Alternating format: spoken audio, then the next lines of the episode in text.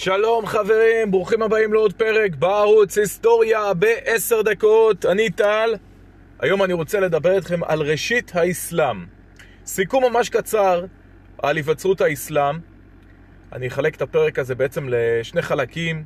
חלק הראשון נדבר על הנביא מוחמד שייסד את האסלאם, ובחלק השני אנחנו נדבר בקצרה על האסלאם, עקרונות באסלאם, מצוות חשובות, ועוד פרטים חשובים. בואו נדבר על חייו של הנביא מוחמד, האיש כמובן החשוב ביותר בדת האסלאם, נולד בשנת 570 לספירה באזור חצי האי ערב, אזור סעודיה, בעיר מכה. נולד לשבט קורייש, שם הוא גדל. כשהיה בן 40 הוא הלך להתבודד במערה, הוא נרדם. ואז נגלה אליו בחלום המלאך גבריאל, או בערבית ג'יבריל. ואותו מלאך אמר לו לקרוא פסוקים, הציג בחלום פסוקים, ביקש ממוחמד לקרוא. אותם פסוקים בהמשך הופיעו בקוראן, ספר הקדוש לאסלאם. ומוחמד לפי המסורת באסלאם קיבל מאותו מלאך הוראות, ואותן הוראות הפכו להיות הבסיס לדת האסלאם. ביניהם למשל המצווה להתפלל חמש פעמים ביום. אסלאם זה מהמילה התמסרות לאל. מוחמד, שהיה מאוד uh, נלהב ממה שהוא ראה בחלום, הוא רצה להפיץ את הדת החדשה, בהתחלה הוא נתקל בעוינות. אתם צריכים להבין, באותה תקופה באזור לא היה מקובל להאמין באל אחד, והאסלאם הביא איתו לאזור, אזור חצי הערב, אה, מהפכנות, את הרעיון המהפכני של מונותאיזם, של אמונה באל אחד. זה לא היה מקובל באזור באותה תקופה. ועם הזמן מוחמד באמת הצליח עם המון המון כריזמה, ביחד עם עוד אנשים שצריך לרתום אליו להפיץ את דת האסלאם, בהתחלה ברחבי מכה ואל-מדינה בסעודיה, ובהמשך הדת האסלאם הופצה הלאה לאזור ולעולם. בשנת 632 לספירה נפטר מוחמד. מי שהחליף את מוחמד הוא החליף הראשון, המנהיג של הדת. מי שהחליף את מוחמד זה החליף אבו בכר. זה היה השם שלו. עכשיו, הייתה מחלוקת מאוד גדולה באסלאם, והמחלוקת הזו עד היום מחלקת את האסלאם בעצם לשני זרמים מרכזיים. זה בהקשר ליורש של מוחמד. אז רוב האסלאם בעולם הוא נמצא בזרם שנקרא הזרם הסוני, האסלאם הסוני, והאסלאם שנמצא במיעוט מבחינת אה, זרם שהוא נמצא במיעוט יחסית לסונים, אלה השיעים. עכשיו, מה ההבדל בעצם בין הסונים לשיעים? הסונים פשוט מאמינים שמוחמד לא הספיק למנות יורש, והשיעים מאמינים שבעצם אה, מוחמד הספיק לפני שהוא נפטר למנות את הבן דוד שלו, את עלי. אז בואו נדבר על דת האסלאם עצמה.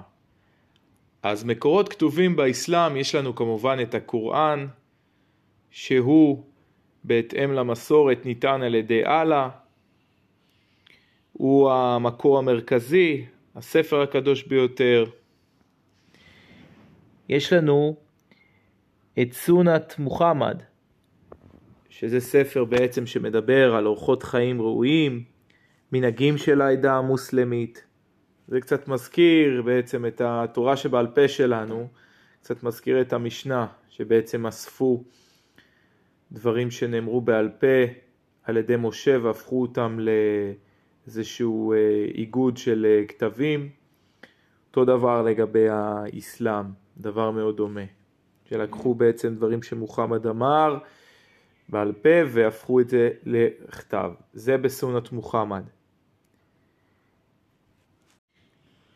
מקור חשוב נוסף באסלאם זה בעצם אה, גם הסירה וגם החדית' שזה בעצם מקורות שמורים ומנחים את המוסלמי כיצד לחיות בעצם כתבים אלו הם בסיס להלכה של הדין האסלאמי, דין השריעה. ומבחינת ערים קדושות לאסלאם, אז כמובן מכה היא העיר הקדושה ביותר. במכה יש את uh, מבנה הקאבה. הקאבה זה בעצם מבנה גדול בצורה של קובייה, ובתוך הקאבה נמצאת האבן השחורה. בהתאם למסורת באסלאם, האבן השחורה זוהי בעצם אבן שהייתה קיימת עוד מתקופת אדם וחווה. ערים קדושות נוספות באסלאם, אז העיר השנייה בחשיבותה היא אל-מדינה שנמצאת בסעודיה, והעיר השלישית בחשיבותה, בחשיבות קדושתה, היא ירושלים, שנקראת גם אל-קודס באסלאם ובערבית. עכשיו, מדוע ירושלים כה קדושה באסלאם? מדוע ירושלים חשובה באסלאם? מכיוון שהיכן שנמצא הר הבית ישנם שני אתרים מאוד מאוד חשובים לאסלאם. אחד זה כמובן מסגד אל-אקצא, המקום הקדוש ביותר בירושלים לאסלאם, אל-אקצא נקרא בערבית הקיצון. מסגד אל-אקצא בעצם מייצג את המקום ממנו מוחמד עלה לשמיים. ליד כיפת הסלע, ליד מסגד אל-אקצא, בצמוד אליו כיפת הסלע, מתחת לכיפת הסלע קיימת אבן השתייה. אבן השתייה זוהי האבן ממנה מוחמד ממש עלה לשמיים. מוחמד הגיע לירושלים ממכה כשהוא רכוב על סוס שנקרא אלבורק. אלבורק זה סוס פלא, סוס מעופף עם פרצוף של אדם. עקרונות חשובים נוספים באסלאם. יום שישי הוא היום הקדוש, לוח השנה מכוון לפי הירח, ישנם חמשת עמודי האסלאם. אלו חמשת המנהגים החשובים ביותר באסלאם. העמוד הראשון זה בעצם, זוהי בעצם העדות, החובה של מוסלמי להצהיר אין אלוהים מלבד אללה ומוחמד הוא שליחו. לה לה אילה לה ומוחמד רסול אללה. עדות בערבית נקרא, נקראת השהדה. עמוד השני זה עמוד התפילה, עמוד שלישי זה החובה לצום בחודש הרמדאן, צום בעצם כמעשה של לכפר על חטאים, בדומה ליהדות. העמוד הרביעי זוהי בעצם החובה לעלות למכה. חאג', עלייה למכה. כמו שהסברתי לכם, מכה היא המקום, היא העיר החשובה ביותר לאסלאם, שם נמצא מבנה הקאבה, וכל מוסלמי צריך לפחות פעם אחת במהלך חייו לעלות למכה. והעמוד החמישי זה הצדקה. נתינת צדקה זה בעצם מעשה מאוד מאוד חשוב וקדוש באסלאם. חברים יקרים, תודה רבה לכם שהאזנתם. אני מזמין אתכם להמשיך לעקוב אחריי לא רק בפודקאסט, אלא גם בערוץ אינסטגרם. היכנסו לאינסטגרם, הקלידו היסטוריה בעשר דקות, לחצו על עוקב ותפיצו הלאה את הבשורה גם לחברים שלכם. הערוץ הזה בשבילכם ולמענכם. תודה רבה חברים, אני הייתי טל, ונתראה בשבוע הבא. תודה.